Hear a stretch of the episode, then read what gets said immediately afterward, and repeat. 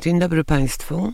Przy mikrofonie Anda Rottenberg w audycji Inna strona świata. Moją gościnią jest dzisiaj pani Beata Łazarz, antropolożka kulturowa i historyczka sztuki, doktor nauk humanistycznych, autorka kilku książek, z których najnowsza to Filary czy Pucle o etyce w polskim buddyzmie. Nie będziemy o innych mówić, bo one też, chociaż one są też ciekawe, ponieważ nagle napisała pani taką książkę Płeć przerażającego o wizerunku terrorystek w sztuce oraz krytyka artystyczna kobiet, sztuka w perspektywie kobiecego doświadczenia XIX i XXI wieku. To wszystko są bardzo odległe od siebie teksty. Ma pani bardzo szeroki horyzont zainteresowań, ale ja panią tu zaprosiłam jako buddystkę, ponieważ łączy nas to, że obie skończyłyśmy historię sztuki, ale ani nie będziemy mówić o sztuce, ani nie będziemy mówić o krytyce artystycznej kobiet. Będziemy mówić o buddyzmie, w szczególności w polskim. Ale zacznijmy od tego, ponieważ ja nic o tym nie wiem i nasi słuchacze może też niewiele.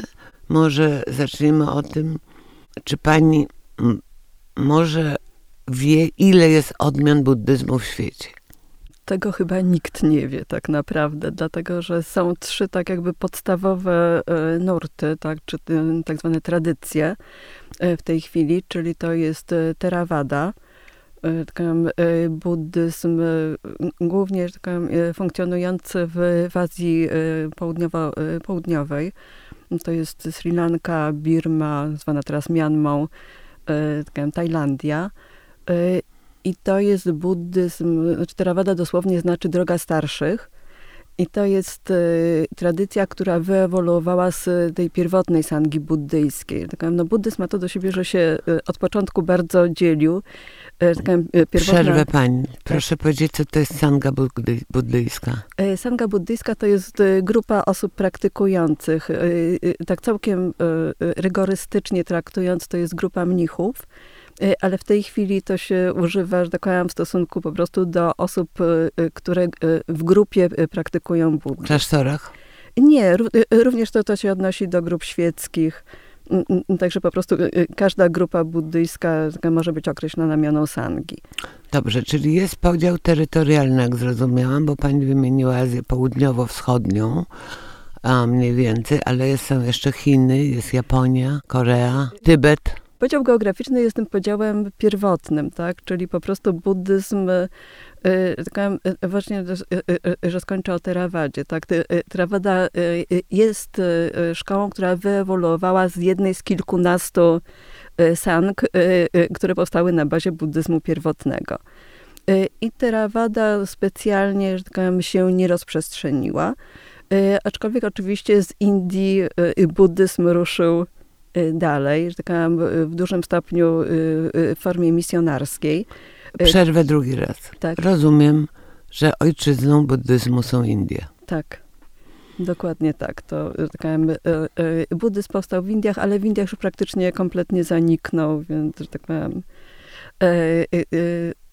no to, to było związane tak z, kilkoma, z kilkoma rzeczami, ale tak naprawdę ostatecznym ciosem były najazdy Y, y, y, muzułmańskie, które po prostu zniszczyły buddyzm w Indiach. W tej chwili najsilniejszą wspólnotą buddyjską w Indiach jest buddyzm tybetański, no bo jak wiadomo, tam się osiedlił Dalai Lama taka z, z całą ogromną grupą. Zaraz będziemy mówić o tym, kim jest Dalai Lama. Proszę najpierw mhm. powiedzieć, a co z Japonią i, i jak to się działo?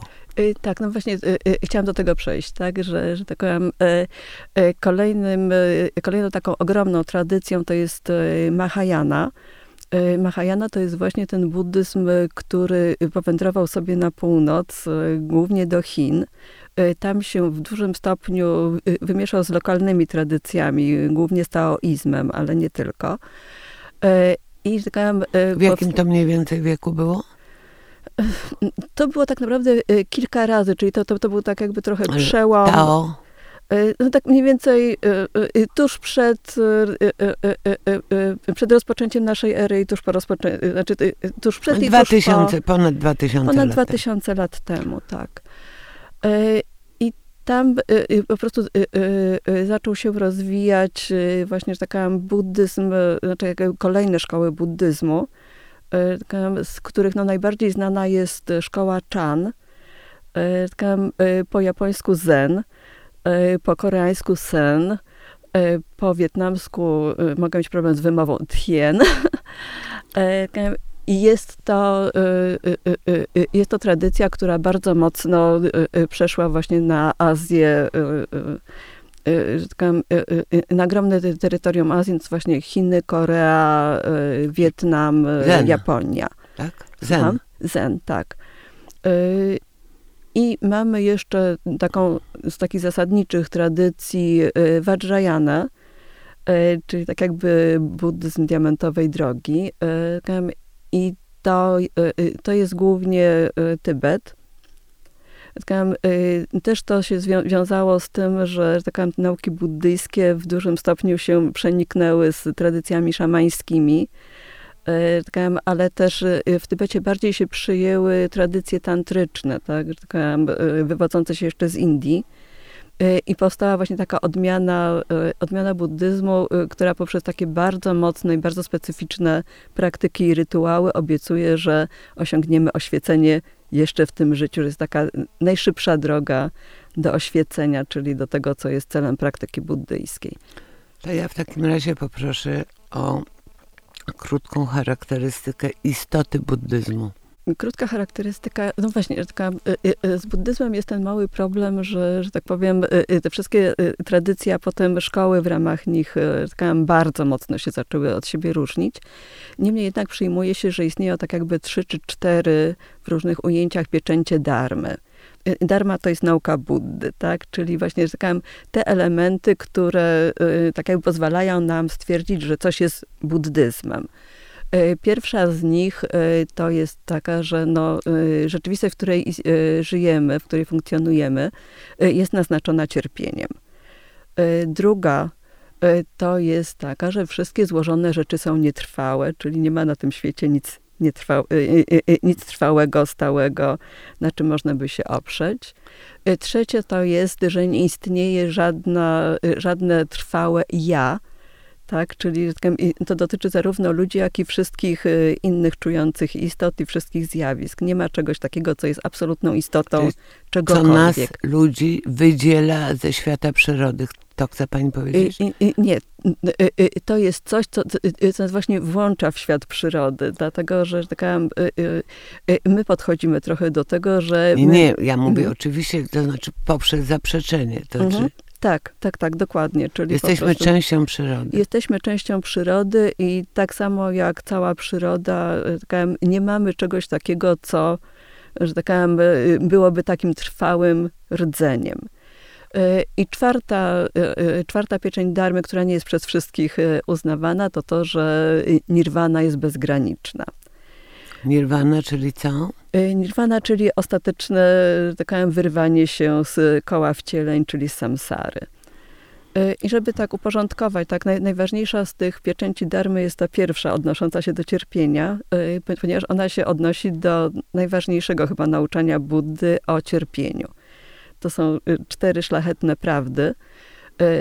I one są tak troszeczkę uporządkowane jak diagnoza lekarska tak naprawdę, bo taka pierwsza mówi o tym, że właśnie nasza rzeczywistość jest naznaczona w sposób y, absolutnie nieuchronny cierpieniem. I musimy cierpieć. I musimy cierpieć, przy czym to cierpienie jest rozumiane dosyć szeroko, dlatego że y, oczywiście no, te podstawowe formy no, to jest choroba, starość i śmierć, przed którymi y, no, mało kto jest w stanie uciec, tak? Y, y ale też y, są to i kwestie związane z tym, że w, naszym życiu czasami musimy się stykać z rzeczami, których nie lubimy tak, i musimy jakoś z nimi funkcjonować i czasami, no właśnie, nie możemy nawiązać kontaktu z tym, co lubimy.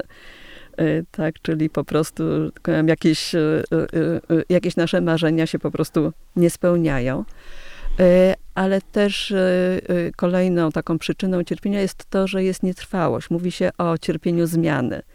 Czyli nawet jeżeli jesteśmy właśnie piękni, młodzi, zdrowi, bogaci, to to wcześniej czy później przeminie. przeminie. Tak, i to A- też będzie jakimś źródłem cierpienia. A medytacja nas, bo wiem, że to jest medytacyjna religia, Mhm. prawda? To Czy już- medytacja nas Mhm. wyzwala przez chwilę od tego cierpienia, bo wówczas zapominamy, że żyjemy w tym konkretnym Mhm. świecie? Medytacja jest już tak jakby częścią recepty. Yy, Tak, a żeby dojść do recepty, to musimy przejść, że tak powiem, przez kolejny y, punkt. Y, Czyli kolejnym punktem jest y, prawda y, o możliwości ustania cierpienia. Y, Tak, y, y, czyli, y, y, znaczy tak, y, y, kolejna to jest prawda o przyczynach cierpienia. Tak, no, stwierdzamy, że jest choroba, stwierdzamy, jakie są jej przyczyny. No, podstawową przyczyną jest niewiedza. I niewiedza, To no jak właśnie, wiemy, to przestanie, przestajemy chorować? y, nie w tym sensie. To, y, y, to jest taka niewiedza, y, którą trzeba pokonać no właśnie przez bardzo takie intensywne, głębokie praktyki, y, dlatego że to jest niewiedza dotycząca no właśnie istoty naszego świata i nas samych. Y, I ona jest, powiedziałam, w sposób dość, dość drastycznie odmienna od tego, jakie są nasze potoczne wyobrażenia na temat naszej rzeczywistości. Y, No niemniej jednak trzecia szlachetna prawda właśnie mówi o tym, że jednak cierpienie można pokonać. Y, I czwarta szlachetna prawda mówi o tym, jakie są środki prowadzące do tego, że możemy to cierpienie pokonać. Y, To jest tak zwana ośmioraka szlachetna ścieżka, y, która w dużym skrócie tak sprowadza się do trzech rzeczy. Y, Do tego, że musimy kultywować moralność, do tego, że musimy pracować nad mądrością, czyli właśnie nad, nad tym, co jest. Tak, ale też tym, co, jest zaprzeczeniem niewiedzy, tak? No, ostatecznym celem tej mądrości jest właśnie pokonanie niewiedzy. No i musimy w związku z tym właśnie medytować, bo medytacja jest tym najlepszym instrumentem, yy, który pozwala nam, że tak powiem, yy, harmonijnie połączyć wszystkie, wszystkie te trzy elementy i stworzyć taką bardzo spójną praktykę. No próbowała tego Małgosia Bronek, o ile pamiętam. Mhm. Była A. wielką mistrzynią. Właśnie nie każdy, ponieważ była kobietą, to nie każdy uznawał ją jako mistrzynię, prawda? Bo to jest jednak religia, z tego co się zdążyłam zorientować, która, której mężczyzna jest tym mądrzejszym. Dlatego nie ma chyba klasztorów buddyjskich kobiecych, czy już są? Yy, są- Zaczęły być. E, Nie, były od początku. Znaczy, że tak powiem, e, kwestia kobiet w buddyzmie to jest dosyć skomplikowana, że tak powiem, i trwająca, że tak powiem, tysiąclecia saga, dlatego, że, że tak powiem, Buddha wyraził zgodę na to, żeby jednak powstała sanga kobieca, w, w sensie wspólnoty mniszek, tak? Aczkolwiek e, prorokował jednocześnie, że gdyby, e, e, gdyby to byli sami mężczyźni, to sanga trwałaby tysiąc lat, a skoro dołączają kobiety, to będzie już tylko 500 lat i że to w ogóle bardzo osłabia.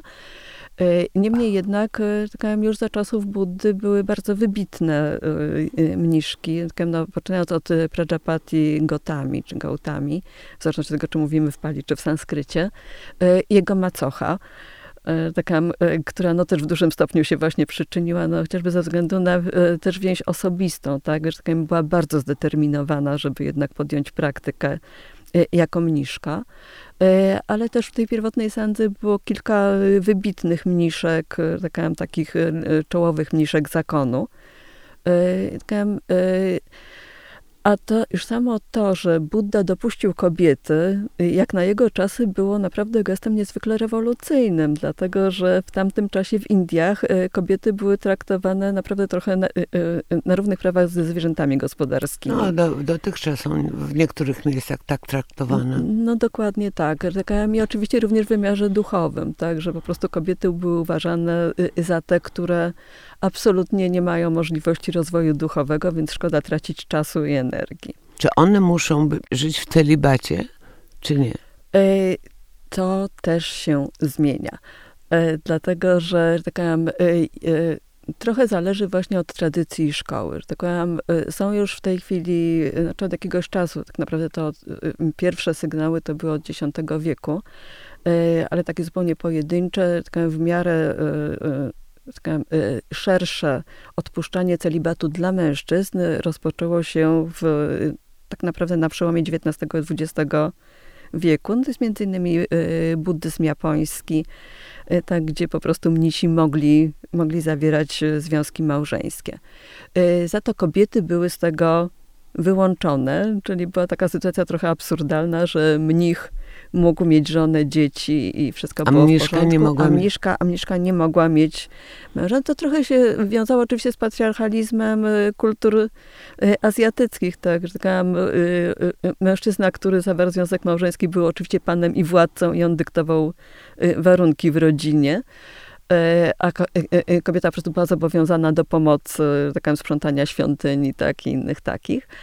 E, natomiast kobieta po prostu w pierwszej kolejności podlegała władzy męża. No więc, że tak powiem, trochę to traktowano, że nie może być e, mniszka e, zamężna, dlatego że tak jakby jej pierwotnym przełożonym jest mężczyzna, czyli jej mąż, a dopiero potem, jak już, że tak powiem, obrobi się ze wszystkimi obowiązkami małżeńskimi, domowymi, innymi takimi, ewentualnie mogłaby się zająć praktyką duchową.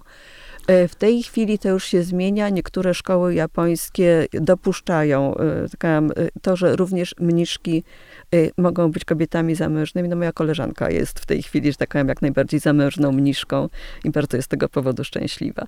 A proszę mi powiedzieć, wróćmy do tych Indii, w których bo mnie interesują relacje czystego buddyzmu, tak umownie nazwijmy, do innych wierzeń, z których na przykład wynika Kama Sutra, e, bo są świątynie, w których wszystkie pozycje seksualne są wyrzeźbione, prawda?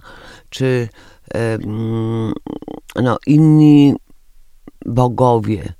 Jak to wygląda? Czy to też jest buddyzm, czy to jest, czy, czy to jest istnienie równoległe? Y, y, nie, y, buddyzm w pewnym sensie przejął część bóstw hinduistycznych. Krishna, Vishnu. Tak, tylko że buddyzm po prostu w koncepcji samsary jest coś takiego, że mamy sześć światów samsary. Tak, na, najniższy... no, wielbicielki perfum będą zachwycone. Wiem, aczkolwiek no samsara to jest cierpienie, więc tak powiem, Sama bardzo lubię perfumy Samsara, ale... A ja nie mogę znieść. E, e, tak, najniższa sfera istnienia to są piekła, no, które mniej więcej, że tak odpowiadają temu, co, że tak kojarzy się z piekłem w chrześcijaństwie, więc nie ma co opowiadać. Druga sfera to są głodne duchy. Głodne duchy to są takie istoty, które są potwornie głodne, że tak mają ogromne brzuchy, a jednocześnie mają bardzo wąski przełyk, i nie mogą y, absolutnie nic przełknąć poza kroplą y, czystej wody. Y, no i cierpią w związku z tym przeogromne męki, no bo by coś, coś zjadły, coś wypiły, tak, głód je męczy, a po prostu nie, nie są w stanie. Kolejna sfera to są zwierzątka. Następna to jest świat ludzi. E, kolejna to jest, e, właśnie to się bardzo różnie tłumaczy, dewów, asurów, e, takich walczących półbogów, tak? I ostatnia, najwyższa to jest sfera bogów, gdzie właśnie... I wy w to wie, wszystko wierzycie? To jest tak, że kto chce wierzyć w takie nauki dosłowne, to wierzy w nauki dosłowne.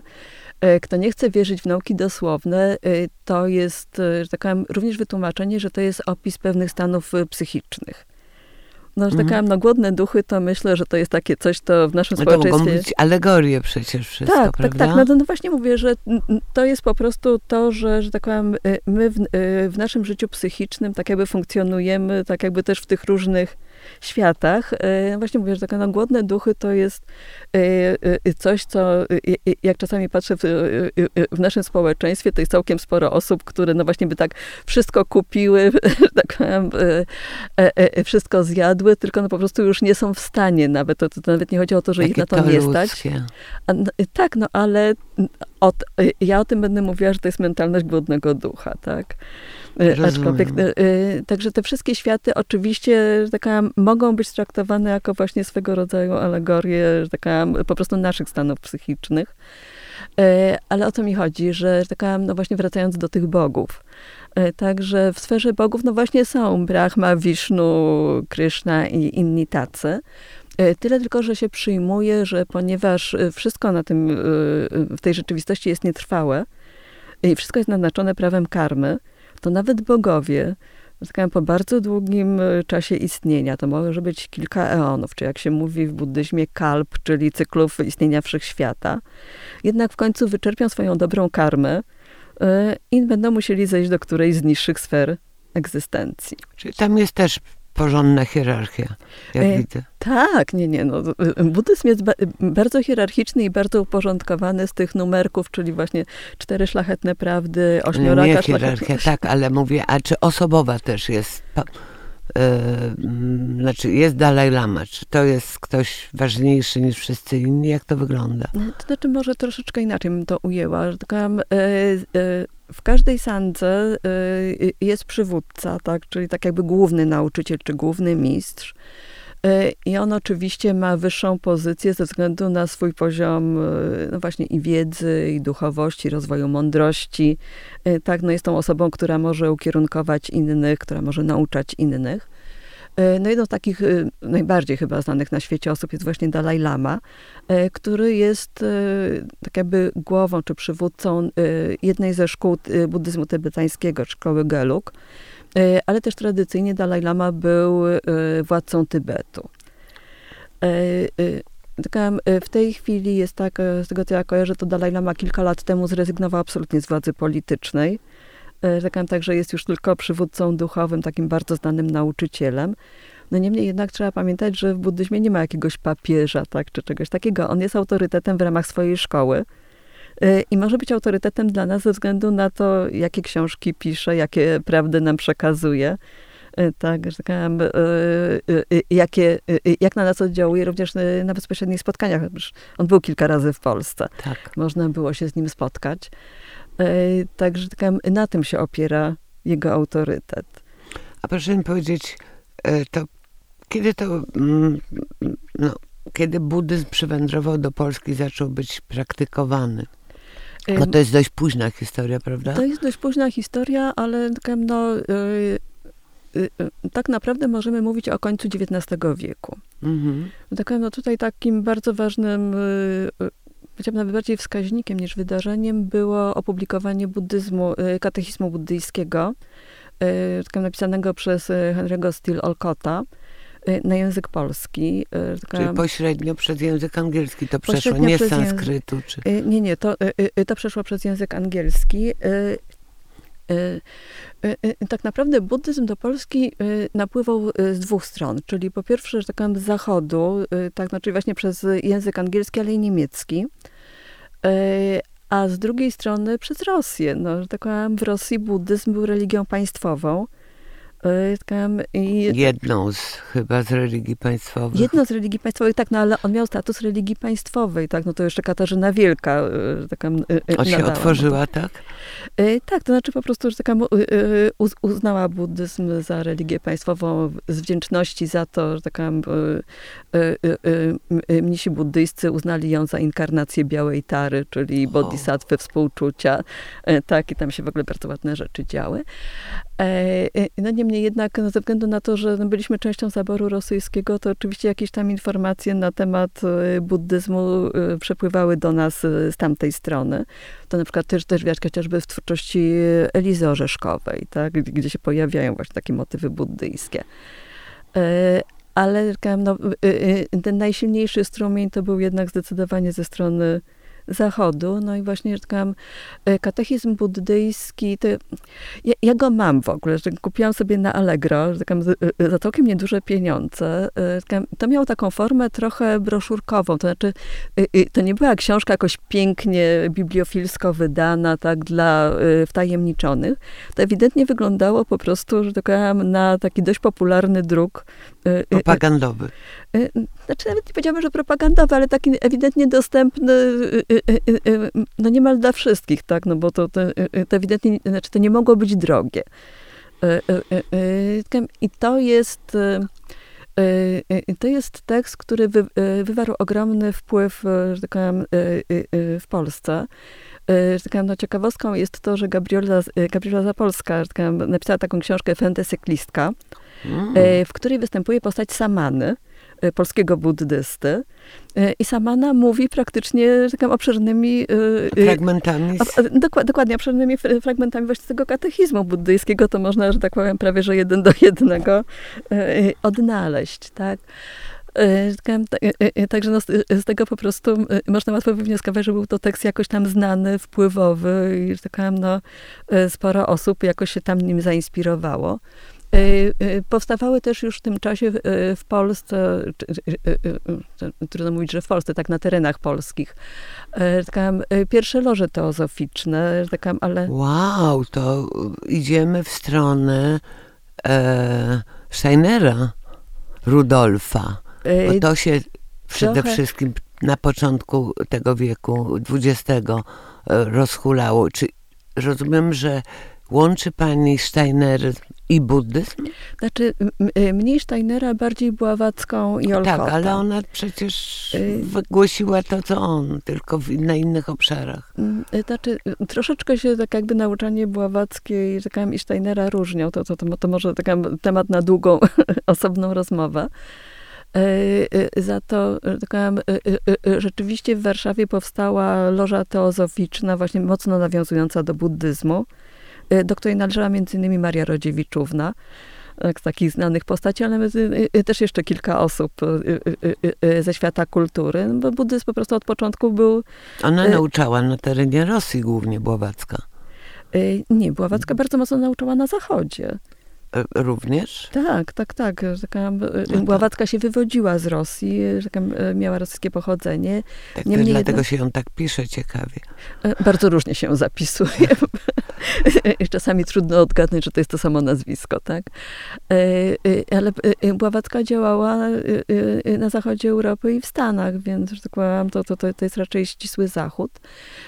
A co ciekawe, Bławacka i Olcott byli chyba pierwszymi Europejczykami, na pewno pierwszymi znanymi Europejczykami, e, którzy na Sri Lance przyjęli e, wskazania buddyjskie i w ten sposób stali się formalnie buddystami.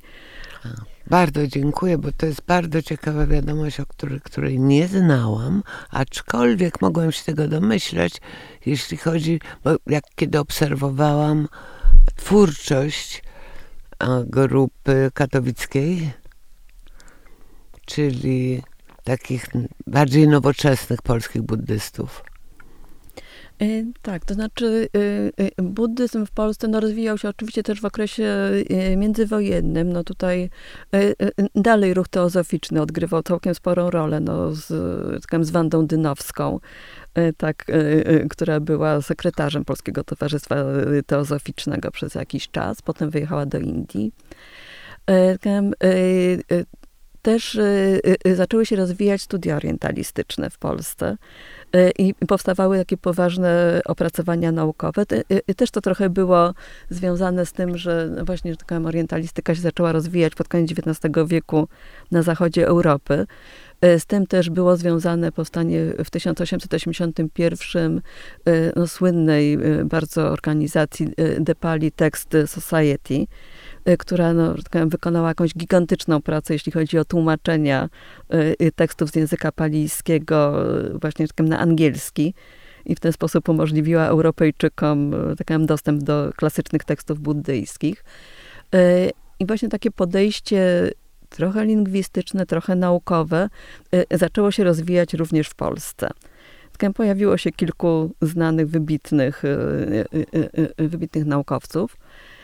E, e, także, że tak powiem, e, potem, tak po II wojnie światowej, kiedy no, tak powiem, ciągłość została bardzo mocno przerwana, jednak te książki z nami zostały, tak? Bo tym się okazało, że właśnie to, że gdzieś w księgozbiorach róż, u różnych osób te książki były, to też się jakoś tam przyczyniło do tego, że jednak ludzie czytali, interesowali się. W tych bibliotekach, które nie spłonęły. W tych bibliotekach, które nie spłonęły, no ale na szczęście y, kilka ich się zachowało. Też przeżyło trochę osób, tak? No, taka y, Władysław Misiewicz, Wiesław Czapnik, tak? Czyli takie osoby, które były y, związane taka, z takimi różnymi ruchami ezoterycznymi, też teozofią, y, ale bardzo mocno się angażowały w, w działalność buddyjską, czyli Bardziej w tłumaczenia, czy pisanie różnego rodzaju komentarzy do tekstów buddyjskich.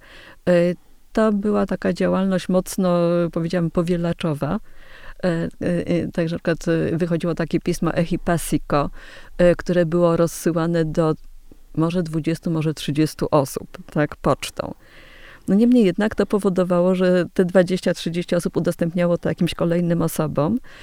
E, I dzięki temu tworzyła się jakieś e, podglebie, tak? czyli po prostu jakaś, e, jakaś ciągłość tu była. No właśnie grupa katowicka, głównie Urbanowicz i Urszula Broll, zaczęli się fascynować, to tak już mniej więcej w połowie lat 60. To, że taka w twórczości Urszuli Broll było widać. Ja na wystawie byłam aż zszokowana, bo e, że taka po prostu widziałam Bo pani tam... potrafiła czytać te wykresy, tak. Y, których, które dla mnie były tajemnicze. No, no, no, no właśnie, a ja, a ja byłam absolutnie tym zafascynowana, bo tam są po prostu klasycz, cytaty z klasycznych tekstów buddyjskich, tak? tak patrzyłam na rok 65, 67, więc taka e, trochę no, byłam Andrzej Urbanowicz inaczej to malował on miał zupełnie inny sposób przekładania e, światopoglądu na obrazy, ale e, byli dla mnie, obydwoje byli bardzo hermetyczni, dla mnie osobiście, bo musiałam, Waniek podobnie. E, tak, no, taka, no właśnie, że taka w ich pracowni na Piastowskiej 1 w Katowicach rozpoczęli, znaczy tak trochę, najpierw zaczynali od ezoteryki, tak, od tej słynnej Ligi Spostrzeżeń Duchowych, potem właśnie bardziej się zaczęli interesować buddyzmem.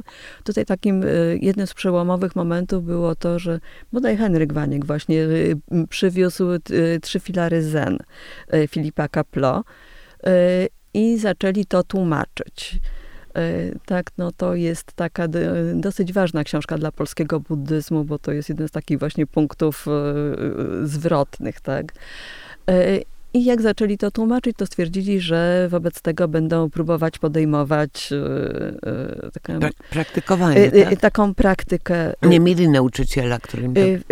Na samym początku jeszcze nie, po prostu opierali się na lekturze, na lekturach i tak jakby na tym, co im w duszy grało. Urbanowicz jeszcze przez jakiś czas próbował praktykę zen łączyć z narkotykami.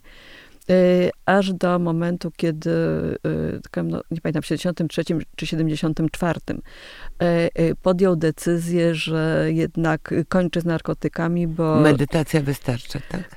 Nie, że to jest trochę nie do pogodzenia, dlatego, Aha. że po prostu narkotyki tak jakby tworzą zupełnie inne stany umysłu niż medytacja i to po prostu, że tak powiem, jedno z drugim naprawdę nie daje się połączyć. Fantastycznie, że do tego dojrzał sam.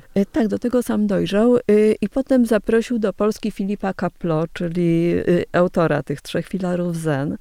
Y, potem się rozpoczęły starania o formalną y, Rejestrację. o formalną rejestrację, tak powiem, czyli w, w, tym momencie rozpo, rozpoczął się proces właśnie starań o to, żeby jednak formalizować, że tak powiem, buddyzm w Polsce, bo on wcześniej po prostu funkcjonował trochę na takich zasadach, powiedziałam, ogólnotowarzyskich. Y, y, też y, zaczęli wydawać pismo Droga Zen, też takiej formule powielaczowej. Taką jak na lata PRL-u ta droga Zen była dosyć niesamowitą rzeczą, dlatego że to było pismo powielaczowe, oczywiście poza jakąkolwiek kontrolą cenzury, ale w stopce był, był wpisane, kto to wydaje, adres. Nie mieli łatwo. Łatwo nie mieli, tak no, byli pod kontrolą milicji, służb. służb no chociażby z tego względu, że po pierwsze y, to trzeba pamiętać, że, że tak krótko potem y, znaczy, to był okres, kiedy, że tak zaczęła się rozprawa z ruchem hipisowskim. Tak, no, który został zniszczony w Polsce dosyć brutalnie właśnie w wyniku działań milicji i, i służby bezpieczeństwa. No a Piastowska jednak gdzieś tam o te narkotyki się otarła, tak. E, nie mieli łatwo też dlatego, że no, mieli kontakty z Filipem Kaplon, no, w końcu Amerykaninem. E, no tak. Tak, no, Który mógł szpiegować. No, który mógł szpiegować albo ich werbować, tak, żeby, żeby szpiegowali, więc to było bardzo podejrzane. I z tego względu po prostu, że tak powiem, oni pod, podlegali dosyć mocnej inwigilacji z grona, tak powiem, też werbowano tajnych współpracowników. Niektórzy z nich, jak na przykład Janusz Korbel, po prostu otwartym tekstem mówili w sandze, że po prostu podpisali zgodę. Y, też traktując to trochę jako taki sposób kontrolowanego przepływu informacji, tak? Czyli po prostu, że osoba, która jest jakoś tam rozgarnięta i, i wie, co może powiedzieć, czego nie może powiedzieć, y, jest tutaj odpowiedzialna za kontakty. Y, ale też byłam pod sporym wrażeniem, bo w późniejszym okresie, kiedy, kiedy, tak jakby w pierwszym rzucie nie udało im się zarejestrować, ale potem tak, na przykład ogromnie im pomógł milicjant właśnie że tak powiem, który się nimi opiekował, ale że tak powiem... Nawrócił się? Nie, nie nawrócił się ewidentnie, ale, że tak powiem, zrobił co mógł, a nawet jeszcze chyba trochę więcej, żeby pomóc im taka, dokonać rejestracji, czyli żeby po prostu te wszystkie druki były prawidłowo wypełnione, żeby trafiły do właściwych osób. Tak, jeszcze za komuny. E, e, taki e, śmieszny taki ciąg dalszy był taki, że kilka lat temu właśnie szukałam te, tego człowieka. się okazało, że dobra karma wraca, taka, bo no, no, oczywiście już jest emerytem, już mocno starszym człowiekiem. Rozpoczęła się u niego choroba Alzheimera, ale został przyjęty do takiego eksperymentalnego ośrodka, gdzie ma zapewnioną bardzo dobrą opiekę. I, I, właśnie pisał, że jest bardzo szczęśliwy i że no tak, jak się po prostu mało już się... nic nie pamięta, to może być szczęśliwy. E, to prawda, to jest jedna z metod e, pozbycia się cierpienia. E, no niemniej jednak on to pisał jeszcze, będąc na takim etapie, że już sobie zaczął zdawać sprawę z tego, że jest chory, ale jeszcze był w stanie czasami jakieś myśli w sensowny sposób sformułować. A pani kiedy przystąpiła do tego nur, nurtu, bo nie wiem, jak to inaczej określić. Mm-hmm. Do, znaczy w moim przypadku do religii. E, znaczy, ja generalnie jestem z domu ateistycznego, tak, nawet nie chrzczona, więc, e, że tak powiem, tutaj nie miałam tego typu problemów. A dla mnie takim przełomem było przeczytanie właśnie kolejnej książki, czyli wprowadzenia do buddyzmu zen Daisetsu Taro Suzukiego. E, która wyszła, e, właśnie wyszła w 79 roku i była e, już w takim normalnym obiegu, tak? Ale coś panią skłoniło do tego, żeby wziąć tę książkę do ręki. Ona się zaplątała w domu, po prostu, Aha. że tak się pojawiła w domu. To też trochę było tak, że tata wyjeżdżał że tak czasami na, na różne spotkania zagraniczne, w tym między innymi do Indii. E, w których e, spędził e, kilka miesięcy i w domu się pojawiło całkiem sporo posążków Buddy, więc taka, ja już jako dziecko byłam zupełnie przyzwyczajona do tego, że te posążki Buddy po prostu gdzieś obok mnie są. I właśnie no, pojawiła się ta książeczka, no to taka, no, ja byłam wtedy nastolatką młodszą, tak? tak ale książkę po prostu pochłonęłam i stwierdziłam, że wow, to jest to. I potem zaczęła pani szukać kontaktu z innymi? Właśnie nie. Tak jak bardzo wielu polskich buddystów po prostu się tak ogólnie interesowałam, e, tak powiem, e, starałam się czytać różne rzeczy, nawet tam podejmowałam jakieś swoje próby praktyki. E, no niemniej jednak już w taki bardziej zorganizowany system, czyli taka praktykowania w ramach sangi, to doszłam dopiero 2006 2007 to ile pani miała tak. lat? Mniej więcej tak z grubsza. E, no, już tak po 40. Niemożliwe. To teraz jest pani po 40, a mówi pani o... E, tak, moja mama ma 60, więc tak jak jej lekarz ostatnio powiedział. E, także, że tak powiem, przy czym ja zaczęłam w Bęcien Karma Kancang w Grabniku pod Warszawą. To jest Polska. Unia Buddyjska. Y, nie, aktorów. Y, y, znaczy, Polska Unia Buddyjska to, to, jest jeszcze troszeczkę co innego, aczkolwiek szefem Polskiej Unii Buddyjskiej jest właśnie Ten szef Karma, Karma Kancang, czyli Lama Rinchen. To jest buddyzm tybetański. Mnie się nam bardzo podobało to, że zrobiłam sobie kilka lat siedry, czyli takich studiów buddyjskich, co było bardzo pouczające i bardzo takie otwierające. Natomiast no, zupełnie się nie odnajdywałam w tych rytuałach tybetańskich. Tak? Dla mnie one są takie za bardzo rozbudowane, barokowe. Znaczy to, są jakieś rytuały, bębny, mm, pochody. Tak, mm, mm, tak, tak, no jakieś... Taka, no ceremonie. Tak, tak, no różnego rodzaju ceremonie, taka, też takie, że tak powiem, praktyki codzienne, które zaczynają się od śpiewu po tybetańsku, tak, że tak powiem, tam, tam się też... A siadacie w pozycji lotosu, czy nie? Zależy jak kto. No, ja akurat w pozycji lotosu długo nie wytrzymuję. E, no w każdym razie, że tak w, e, e, w Grabniku już po prostu w pewnym momencie nie bardzo byłam w stanie się właśnie odnaleźć w tych takich właśnie barokowych, bardzo rozbudowanych rytuałach. No z drugiej strony właśnie już byłam zajęta kończeniem doktoratu, więc, że tak powiem, no miałam, miałam mało czasu. I, że tak przeniosłam się już do Warszawy, najpierw do grupy Szambali, a potem, ponieważ w ośrodku Szambali praktykuje kilka grup, e, pięć w porywach do sześciu, e, tak nawiązałam kontakt z warszawską grupą Zen, czyli buddyzmu koreańskiego, z którą jestem związana w tej chwili. Ile mniej więcej osób dzisiaj w Polsce skłania się ku buddyzmowi, bo jest bardzo dużo, bardzo dużo różnic między tym, kto deklaruje w spisach powszechnych, a ile osób de facto Jakiś, jakieś formy buddyzmu uprawia. Mm. Znaczy to, to jest, powiedziałam, nawet jeszcze troszkę bardziej skomplikowane. Tylko no, według danych ze spisów powszechnych, w Polsce jest około 6 tysięcy buddystów. E, według danych przekazywanych do GUS-u przez e, grupy buddyjskie, które są zarejestrowane jako związki wyznaniowe, jest około 15 tysięcy buddystów. E, według różnych szacunków osób zainteresowanych buddyzmem, czy tak, tak praktykujących okazjonalnie, jest nawet 100 tysięcy. To się troszeczkę bierze z tego, że, że tak powiem,